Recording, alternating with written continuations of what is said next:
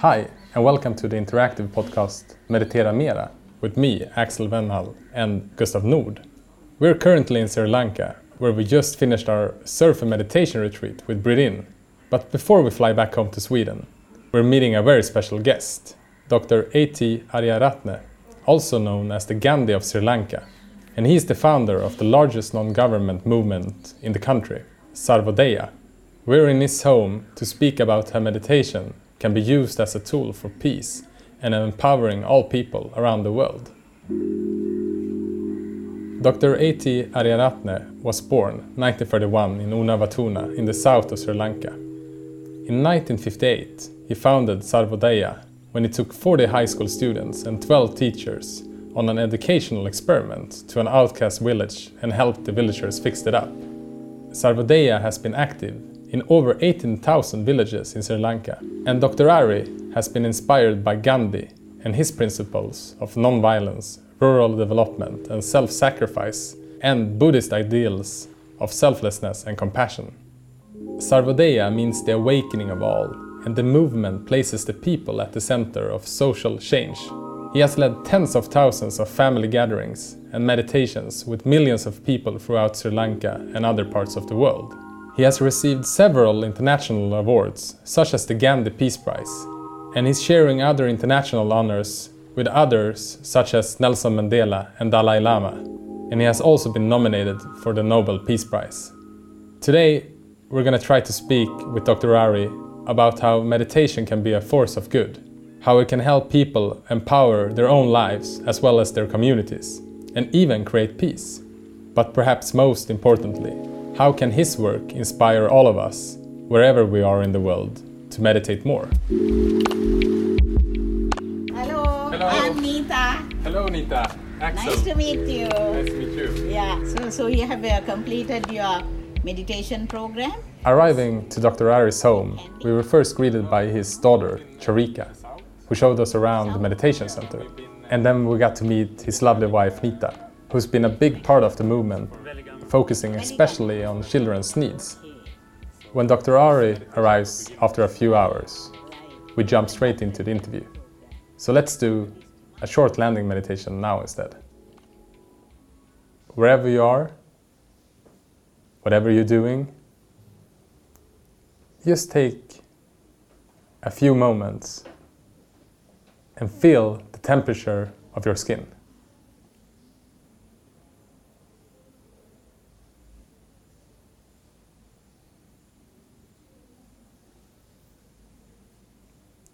What can you feel right now?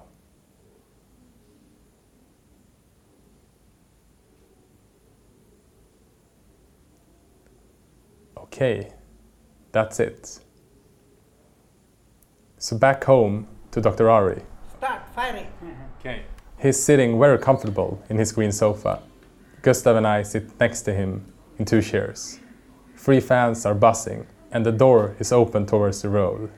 It's getting dark in Moratuwa, and Dr. Ari starts straight away. I have been a part and parcel of what you call meditation for the last uh, 73 years. That means I started seriously thinking and practicing meditation when I was only 15 years of age. And to this day I continue to do it. Meditation may be practiced at a particular time of the day, but after some time, meditation has to be a part and parcel of every moment you are alive. That means you should be mindful of your body. You should be mindful of your sensations. You should be mindful of the thoughts you get to your mind. You should be mindful for the natural or cosmic laws that govern those three processes. So, this is called four kinds of mindful meditation. So, total meditation is these four. And without a person practicing these four forms of meditation, one cannot understand who one is. So, the main purpose of meditation is the awakening of human personality to understand truth behind your own life and the life of all the others, including nature, to understand oneself and others in realistic forms by yourself. So, meditation is a growing process which should be practiced by every human being. Otherwise, human beings will get equated to any other animal. If you take another animal, they also eat, they also have feelings, they also think, they also co produce, have children and all that, they also die. So, but they cannot take control of their mind. Only the human being can do this. Out of all living beings on this planet, which may go into billions of beings, living beings, human being is the only one who is capable of understanding one, oneself and improving the thinking ability, improving the mind to such an extent as to what we call enlightenment. Enlightenment, knowing the whole thing, the whole truth about the oneself and the universe. So, mind is superior to any form of scientific or technological gadget that have been inv- invented during the last three industrial revolutions. And the fourth industrial revolution is said to have just begun. that is not going to bring about any kind of increased happiness to human beings. Happiness can come only if you understand who you are, your mind. Our mind is full of attachments. When you can't get what you want, you get angry. Greed, anger are two things that we have as long as we have ignorance. So, greed, anger, and ignorance are three qualities that all of us human beings have. So, the mind should be purified so that you can get rid of all greed and hatred by getting enlightened, that is, by improving the mind. So, meditation is for the purpose of improving the mind, so that the mind is cleaned of all kinds of evils that mind may harbor. That's why in the UNESCO declaration, I think, they say all wars start in the minds of human beings. Mm. So, if the mind is peaceful and understanding, there will be no conflicts, there will be no war. So, when you do meditation about your own body, you begin to see that this body with which I have identified myself, I have no control. I can't say now I am old. I can't say don't get old. Be young. the body will not listen to me. body will get old and one day body will say, Hey, I am going. I can't say body don't die. that means the body is not mine. Mine, I, my, mine, you, yours is only a myth. Hmm. It is something that ignorant human minds have created. That means there is certainly nothing called I, ego, my, mind. It's a foolish human creation. So, anatta or non self is one thing we have to understand. Non self is one then dukkha is suffering. Suffering is even at the time of being born, we cannot remember, but we went through terrible pain. Because in the mother's womb, we were uh, maybe at 98.4 degrees uh, Fahrenheit. Outside, it is much more. So that you feel much more or much less, you feel the cold or heat. It is terrible. But we can't remember that now. Then from childhood, we grow slowly, we become aged, and we die. So, this process of change, anitya or impermanence, and the suffering that impermanence bring about, we can see only through self mindful meditation. And these three factors anicca is impermanence, dukkha is painfulness, suffering, anatta is non ego, non self.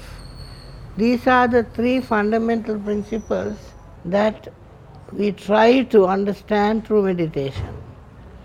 So, when we meditate on the body, we begin to see that this body is nothing but coming together of four elements hardness, liquidity, heat, and air, expandability and contractibility.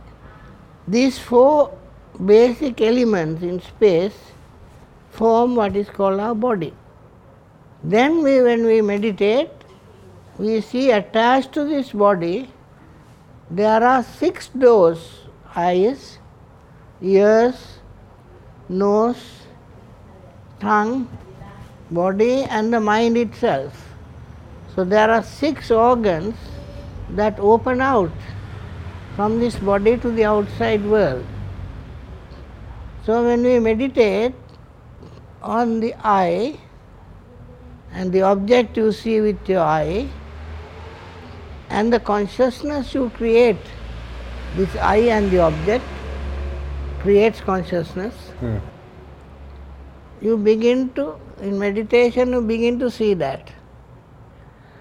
Similarly, sound consciousness, ear, the sound you hear and the sound consciousness. Similarly, smell consciousness, taste consciousness, body consciousness, and also the mental mind consciousness. So, this body creates six kinds of consciousnesses. You see a pretty girl, immediately your eyes get attracted to her body. And then you create it in your mind. You make an image, and even after you go to sleep, that comes to mind. Following day, you follow it till you get fed up with the whole business. You are there. you know, what a, what a idiotic thing I have been up to. You see, so eyes have cheated you, ears have cheated you, everything has instead. If you understand these six senses can always bring things that we like and then repeat it, no end to this craving. It never ends. Meditation makes you realize that. If you can't get that, you get angry. If she runs away with another fellow, you want to kill both of them. Anger comes, all this because of ignorance. So, meditation helps you to understand who you are and how your senses work. So, like this, like that I can go on with regard to the body, you have these six senses and what you call five aggregates. Aggregates five kinds of mental formations. So, similarly, you can meditate on your feelings. You can meditate on the thoughts that come to your mind. Then you can meditate on various other things like the phenomena, the cosmic laws that operate, which affect our human lives. Therefore, meditation is not a simple thing. In the Western world, It has become a fashion now, mindfulness meditation. I am not for that kind of meditation. That kind of meditation is like uh, you are used to getting a Panadol, you have a headache, something else when you have a stomach trouble. That is, meditation is not a pill. Meditation is right understanding. What is right understanding? There is suffering, there is a reason, the cause. This cause can be removed, and there is a way, a path to remove this suffering. So, dukkha or, or suffering or painfulness people don't see. They see only those things that bring happiness to your eyes, ears, body, and all that. Some kind of temporary sensation. But you should be able to have right understanding where you see that there is painfulness, there is a cause, it can be removed, and there is a way of doing it, then only you can get true happiness. Happiness which cannot be removed. So, meditation is not running away. Meditation is not something to do with suffering. Meditation is going to find out happiness that nobody can take away. Mm. What has happened to the Western world is right understanding you have lost.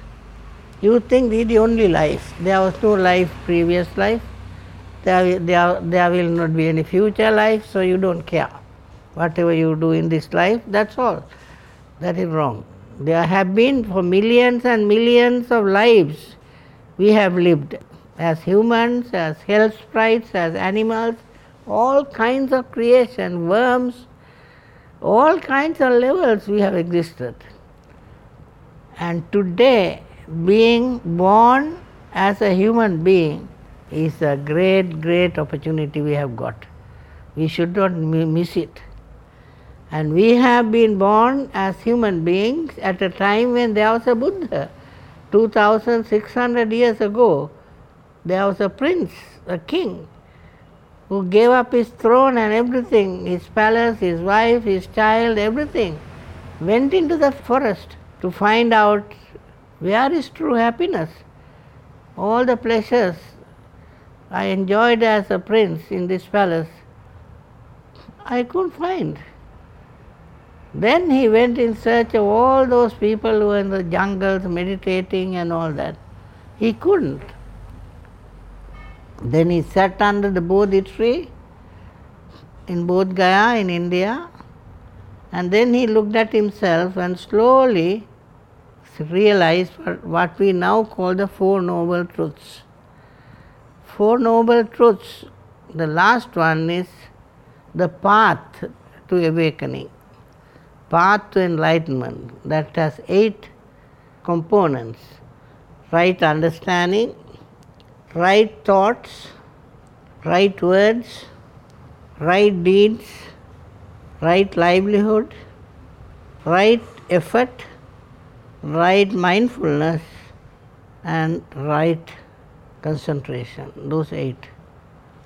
When you follow those, I am not going into detail that Noble Eightfold Path, but if you go into detail, you will find that every part of a second we spend can be meaningfully spent without wasting, but 99.999% of our time is wasted just to satisfy our eyes and ears and nose and hardly 1% we concentrate to find out, oh, is there an end to this suffering? If birth is suffering, if old age is suffering, if death is suffering, having to part with your loved ones is suffering, having to come together with people you don't like is suffering, not getting what you want is suffering you want good, good health but you get illness, that is suffering. Like that, there is no end to this suffering. The cause of all this suffering is greed, craving, craving for all kinds of things. So, how to remove craving? Craving for mundane things, craving to satisfy the five senses, craving, worldly craving, all these three kinds of cravings are there. So, when you speak, how to abstain from untruth, how to abstain from unpleasant language, how to abstain from harsh, rude speech, how to abstain from gossip like that.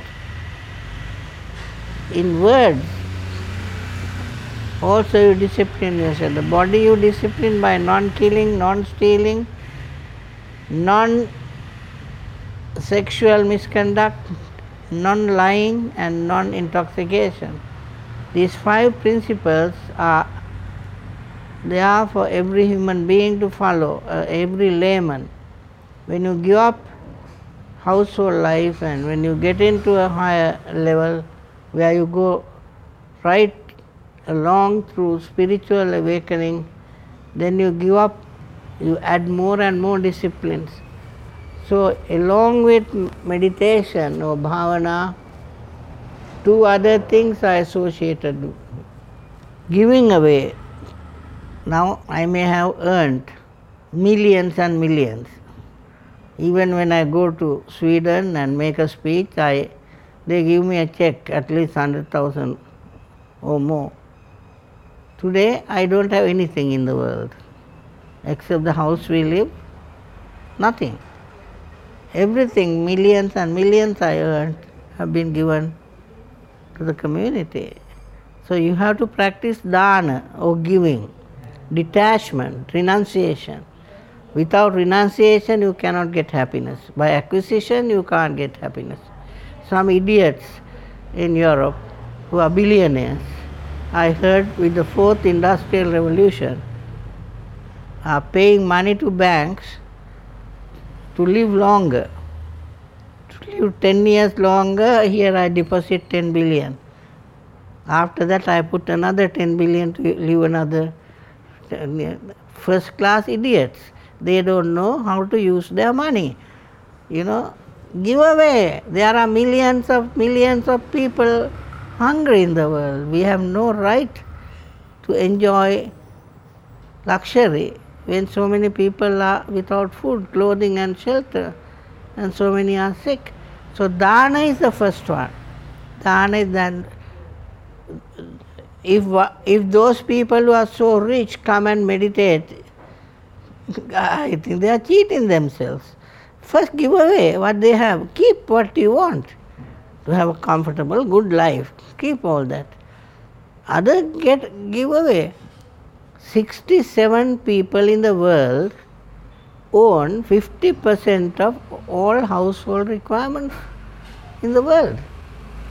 What half the world's population owns, 67 people own the other half. So, what is this world? Them to come and meditate?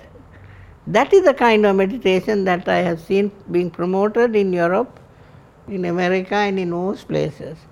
But meditation is much more. Dana, giving away, beneficence, sila, morality. You have to abstain from lot of things that we are used to. Dana, sila, bhavana, meditation, third. Then comes another three. Sila, samadhi, prajna. Sila is morality, samadhi is concentration, prajna is wisdom. So when uh, a person meditates and every moment he is able to catch up with, with the thoughts that come to his mind, whatever words he speaks and whatever bodily movements he do, does, now such a person is a mindful man, mindful woman.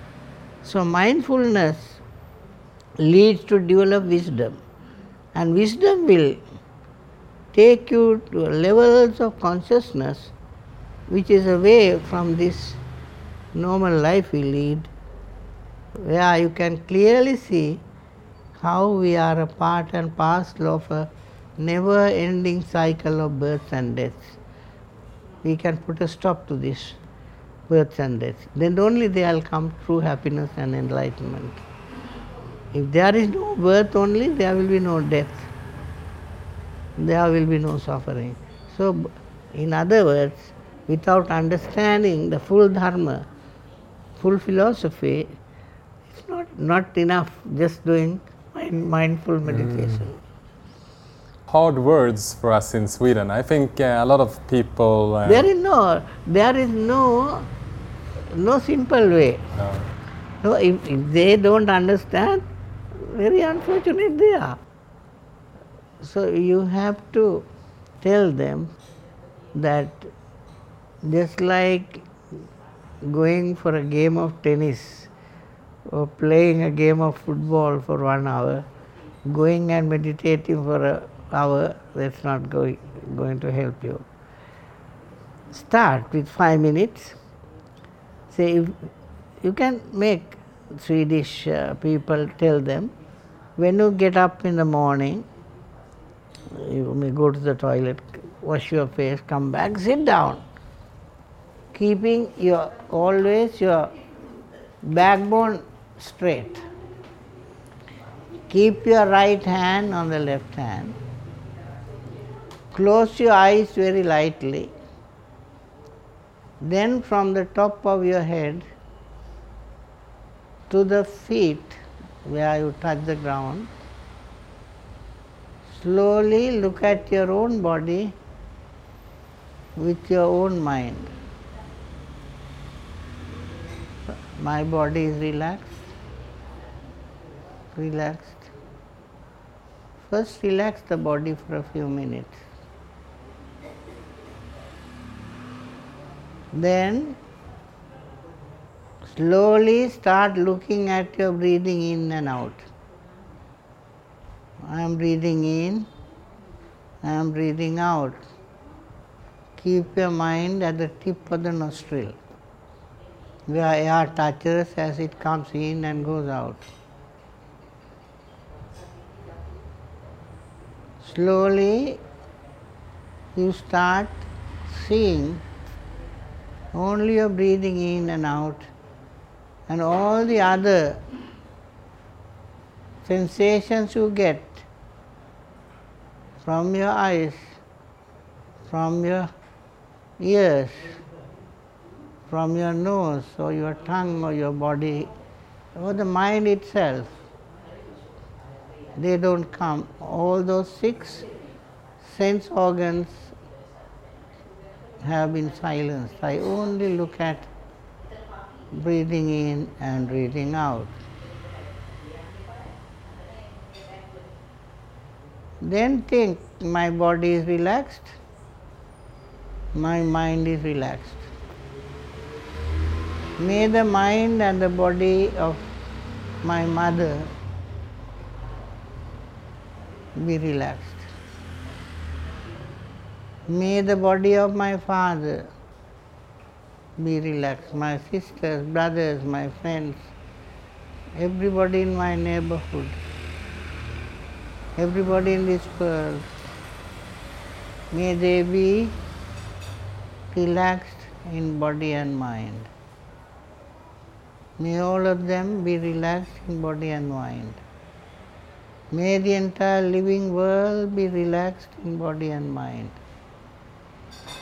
May all living beings be relaxed in body and mind. May all human beings and other beings be well and happy. May all living beings be well and happy.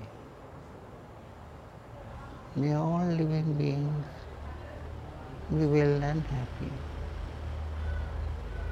Now, that kind of meditation, just for five minutes, can be practiced as you get up in the morning to begin with.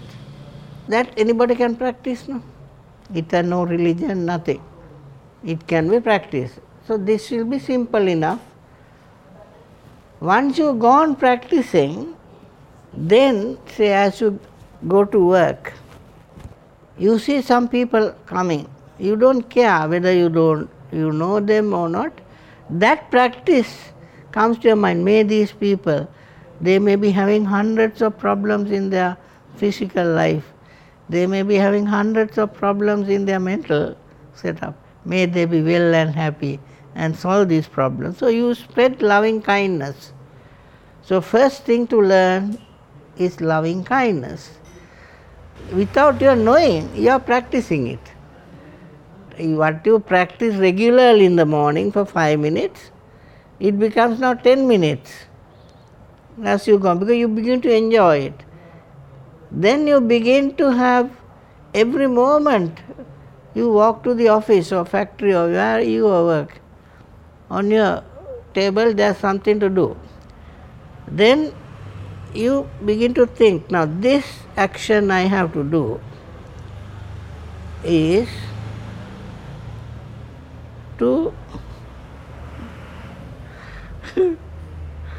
kill hundreds heads of cattle today in the factory and get them packeted and exported to make money.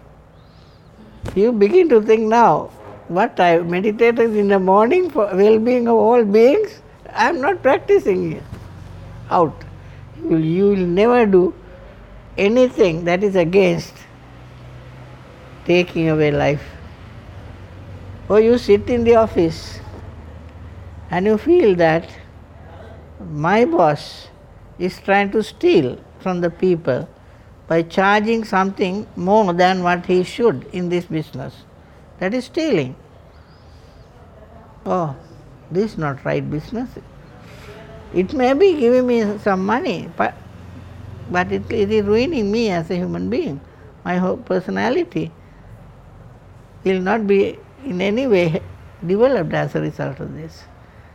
Or then you see something to do with sexual misconduct, something to do with absolute teaching untruth or intoxicants. So these five evils, if you could get rid of, what a beautiful world we will have. So that metta or loving kindness you practice in the morning should continue through compassionate action. So all the employment, whatever we do, will be translating that loving kindness into compassionate action. We call it karuna. Then you begin to get a joy much more than what you get when you get your salary check. Much more joy you get than having a few moments with a woman or something like that. Much more joy. That is very temporary, but this one is much more. I am not saying that everybody should become bachelor, don't get married. No, I am not meaning that.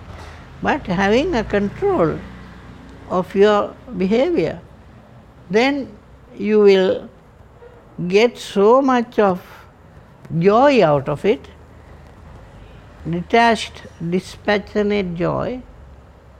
Some people say, hey, look at that fellow, he has become a saint. He is going to go to heaven straight away.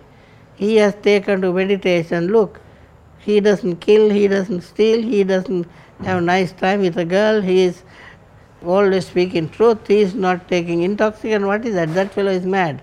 Some people will insult you. Say, thank you very much, that's myself what to do. Accept it. Some people will say, hey, you are the man, you are on the right path, go ahead, go ahead, my son. So some will appreciate you. So you begin to develop equanimity. If you can get the people of Sweden to develop these four qualities loving kindness, compassionate action, dispassionate joy, and equanimity, ability to accept name and blame, good and bad, with equal detachment. Those are the four qualities that build a human personality. And such a human personality in any family will become a family awakening, that family will prosper. Individuals, families, and communities with the, so much of science and technology at our disposal And these insights, is this the foundations of Exactly. your movement? Yeah. So Sarvodaya movement was started, of course it's much more than that. It's first building a human being Hmm. based on these four qualities which we continue.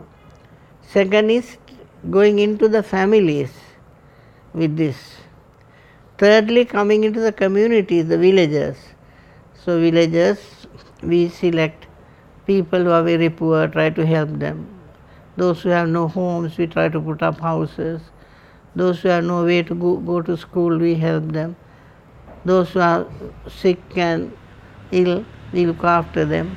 Like that, lot of community services, Basic needs. basic needs. Yeah. So, individual awakening, family awakening, community awakening, and then they show the national awakening and the world awakening. Now, what we are doing is we show there. That is trying to tell the world, let us go this way. That is awakening. Sarvodaya means awakening of all. Udaya is all. Sarva means all. Udaya is awakening. Awakening of all.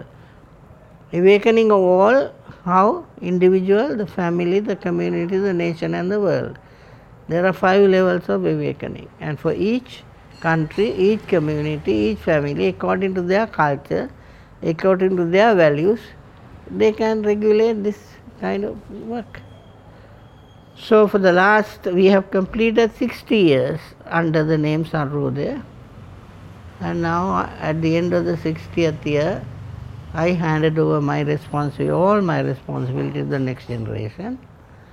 So today I am a person uh, without absolutely any income, no pension, nothing. I left my job quite early before I could qualify for a pension. So I am living on what my second son provides uh, for two of us. We have no properties, we have no shares, and we have no ambitions. We are there happily till we die. Having done our duty to our community, and I may have been to hu- maybe 100 or even more countries in the world. And like this, I shared whatever I experienced in life. And during these 60 years you've been working and founding this movement, um, what are you most proud of in terms of all the work? Detachment. I never have been to a government office. I have been twice or thrice or something. I, I knew all the heads of state in this country personally, but I never asked anything from them. Never stepped into their houses.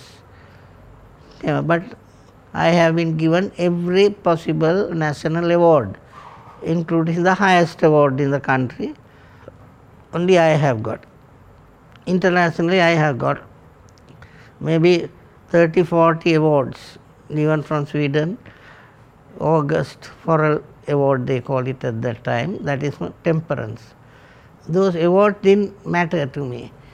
Whatever the money they gave, I didn't, I put it to the organization. I didn't take it personally. So, I am so happy that I could not be a slave to money, luxury, fame. I had never been to a newspaper house. Even television people, once or twice I went earlier days. If they want, they can come and meet me here. I never go to a newspaper or anything. So if they want, they can. So I have never publicized myself. I never had an agent. Most of these Nobel Peace Prize winners have agents to canvas. I never had an agent. Whatever now I got the Nobel Prize for Asia. It's called Magsaysay Award. I didn't know till it was announced in the radio. I didn't know that I was getting. I got the Gandhi Peace Prize from India. I didn't know till I got it. From South Africa I got it. From America for democracy. I, I never canvassed for it. I and, and I just got it. I don't know how I got it. And I didn't care. So I am m- most proud that I am detached from all this power, fame, and money.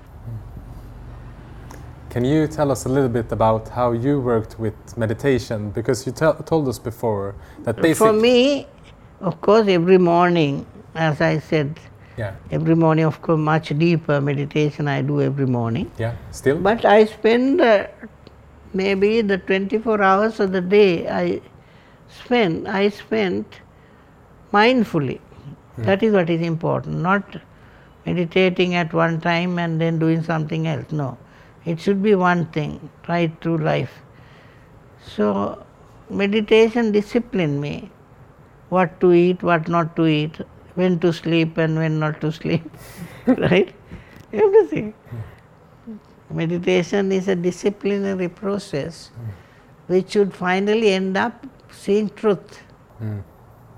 But in terms of your organization, first when you went into the villages, you took care of the basic needs, and uh, and then but then you also work a lot with meditations, right? Yeah. In you know, in uh, villages, every program we do, we start with uh, meditation. Say, 200 of us go to a poor village from outside. From the village also, maybe four, five hundred people join. Village has no access road, so from the main road to the village, we have to cut an access road, say five miles of road. So we have no money. We find tools. We get people to donate the land. Then with our physical body we start working. Right? So what the government does with machines, with our body we did it. But while doing it, we remember those four factors loving kindness, compassionate action, altruistic joy, and equanimity we are getting. So we say we build the road, the road builds us. So that at the end of the say one week where we are living in the village, whole village gets transformed not only physically but also mentally. And we remind them this was your old culture. Your ancient culture was this. But after Portuguese, the Dutch and the British came here, all that culture was destroyed. So we are trying to rebuild that. And people continue. So up to 18,000 villages in that is half the villages in the country I have been during my lifetime. Now they are still continuing and government is cop- has copied almost everything we started. That they are doing it now. We don't have to do a lot of things hmm. because the government is doing it now. Okay. Those days government never thought of doing it. And the government means most incapable people who can't do a job or work, who can only talk, only arouse public to vote for them and then do whatever they want after getting into power. That's why set of crooks. If there are hundred people ruling this country, ninety-eight are first class crooks. That's why I keep away from them and they don't like me. They tried to kill me many times, but I was alive. Hmm. Even here they came and saluted, took the gun and said, We have orders to kill you. I said, Hello, what a great moment. Go and tell him I died with a smile. Revolver shook like this. And so, how can I kill you? You have helped my wife. I said, I don't know who your wife is and who you are in full uniform now. Jeep outside. Those days our gate was, you can see outside. Yeah, yeah, yeah. Today now it's closed. Yeah. So, I have had such experiences. It's so nice. and I'm still there. and those fellows who ordered to kill me are all dead, not even ashes. They got blown up by their own bombs. They got killed by their own people, and I'm still there. No gun, nothing to protect myself. So, what a better life. Is, is that the highest, the attachment, the, the attachment to death? If you are not attached, nobody can kill you. Even Gandhi got killed because at that time Gandhi was when that fellow took the revolver, Gandhi's for a second even fear came. If it didn't come, he would never have died. Hmm. I would have died if fear didn't come to me. I don't know what will happen tomorrow. Still, they are hunting for me. I have no guards here. It can happen any moment. But uh, at that moment, if I am not afraid, these bullets won't pierce you, you can be sure. It won't. what do you think um, we can learn mostly from your work and uh, with Sarvodaya? You should come and participate at least for three months. Nothing like student exchange, you know. Now here we have an international unit, not to make any profit but to cover our expenses uh, for traveling and food and other things. So you can ask them to come here, but it should be at least uh, for three weeks or more. Three weeks or more? Yeah, three weeks is the minimum, so that at least one week you can see Sarvodaya development work. One week you can meditate, meditation center. The other week you can get a general idea about the country which will help them in their life. So it will be useful both worldly and unworldly things, spiritually and otherwise. Do you also teach meditation for children? Yes. According to the age, if you can teach these children a little bit of self discipline, it could be done now. Charika and in this meditation center they are doing it. Not Charika is your daughter? Yeah. That's very, very useful for children. Mm. Because the present education system is so much material that is pumped into a child's mind at that age. They are restless. They are made sick mentally by this education system. So we are trying our very best to help these children by introducing meditation.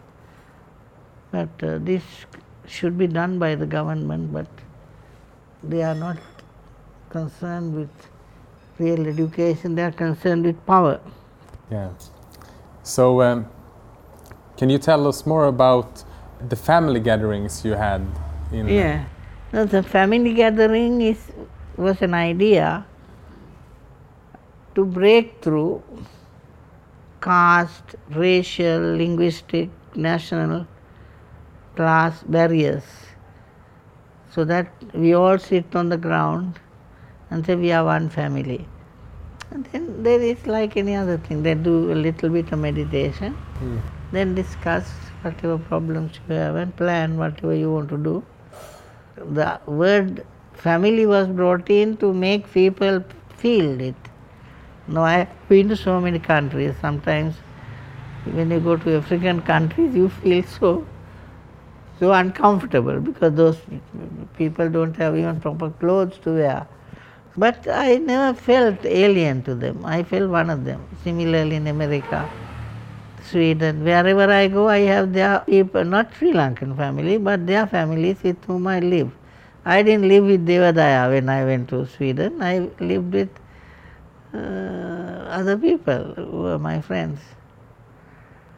So, family gathering introduces people to that universal outlook without feeling proud we are rich, we are poor, we are depressed, we are like that. Make people feel free to be one with others. That's the family gathering concept.